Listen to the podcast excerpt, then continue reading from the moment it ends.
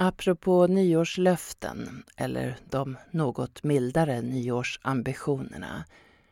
Vad kan man överhuvudtaget roa sig med som inte är hälsovårdligt eller bidrar till utarmning av jordens resurser?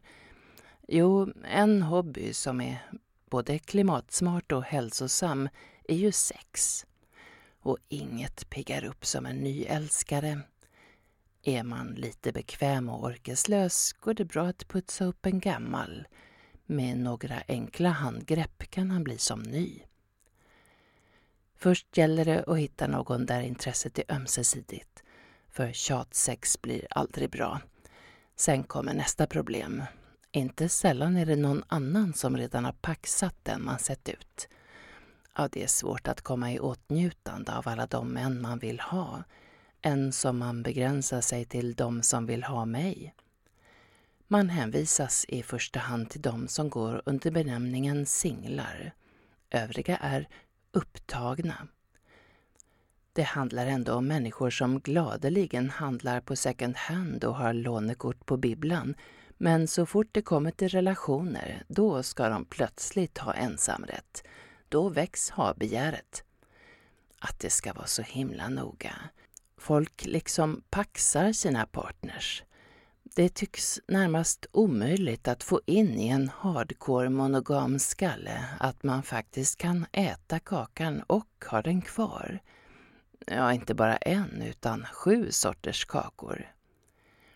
Ja, jag brukar ändå fråga i hopp om att någon av dessa unga, moderna människor ska ha intagit en mer progressiv hållning även när det gäller relationer. Ja, och så kan man ju fråga igen efter ett tag. Situationen kan ju ha ändrats. Det är så himla snålt att inte kunna dela med sig av sina partners. Jag lovar, jag lämnar tillbaka honom efteråt, i skick som ny, eller rent av bättre. Han kommer att komma hem full av ny inspiration och nya kunskaper. Jag kan inte begripa varför folk vill ha hela ansvaret för en partner på heltid. Fy så jobbigt. Det är ju mycket bättre att vara med i en bilpool än att äga en bil med alla kostnader, besvär och ansvar en sån för med sig. Parkeringsplats, service, reparationer, byta däck. Med en bilpool, eller hyrbil för all del, så bokar man fordonstyp efter behov. Ska man flytta behöver man ju en lätt lastbil. Ska man storhandla är det mer praktiskt med en Volvo kombi.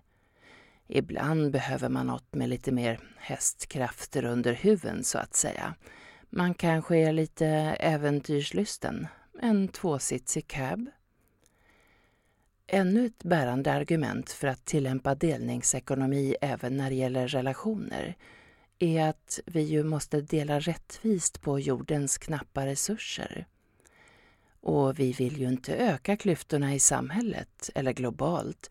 För som alla vet leder allt för stor ojämlikhet till missnöje, upplopp och sedermera krig. Det handlar om klassisk fördelningspolitik och hushållande med gemensamma resurser. Och då har jag inte ens nämnt vilken uppiggande verkan variation bland ens partners kan ha. En för varje sinnesstämning, varje behov ger inte bara ny inspiration och injektioner av livslust utan skyddar oss dessutom från att sjunka ner i vardagens grå tristess med depression och självmord som yttersta konsekvens. Ja, det där var min stand-up-version av flersamhet. Jag står för det. Jag noterar hur jag diskret lyckas hålla mig själv utanför och undviker att skryta om hur himla förträffligt jag, vi, har löst det. Om man ska märka oss med en etikett, och det ska man ju, så går vi under den rätt så trendiga benämningen polyamorösa. I mitt fall kanske med betoning på poly i min mans fall med betoning snarare på amorös. Vi har ett så kallat öppet förhållande. För mig handlar det mest om, eller baseras på, sex. Fast vissa av mina relationer har vuxit till att betyda mer än så. Vänner och sex, men inte särskilt romantiskt. KK helt enkelt. Vi firade ju nyår i Hälsingland, sonen och jag, hos min andre mans andra kvinna, eller en av dem. Det var för jävla synd att inte min make kom med eftersom han och min andre man har så oerhört mycket att prata om. I somras var vi där allihop och de blev sittande tills morgontimmarna innan de kunde förmå sig till att gå och lägga sig. När jag och min man öppnade upp vårt äktenskap var det som att livet fick en extra våning.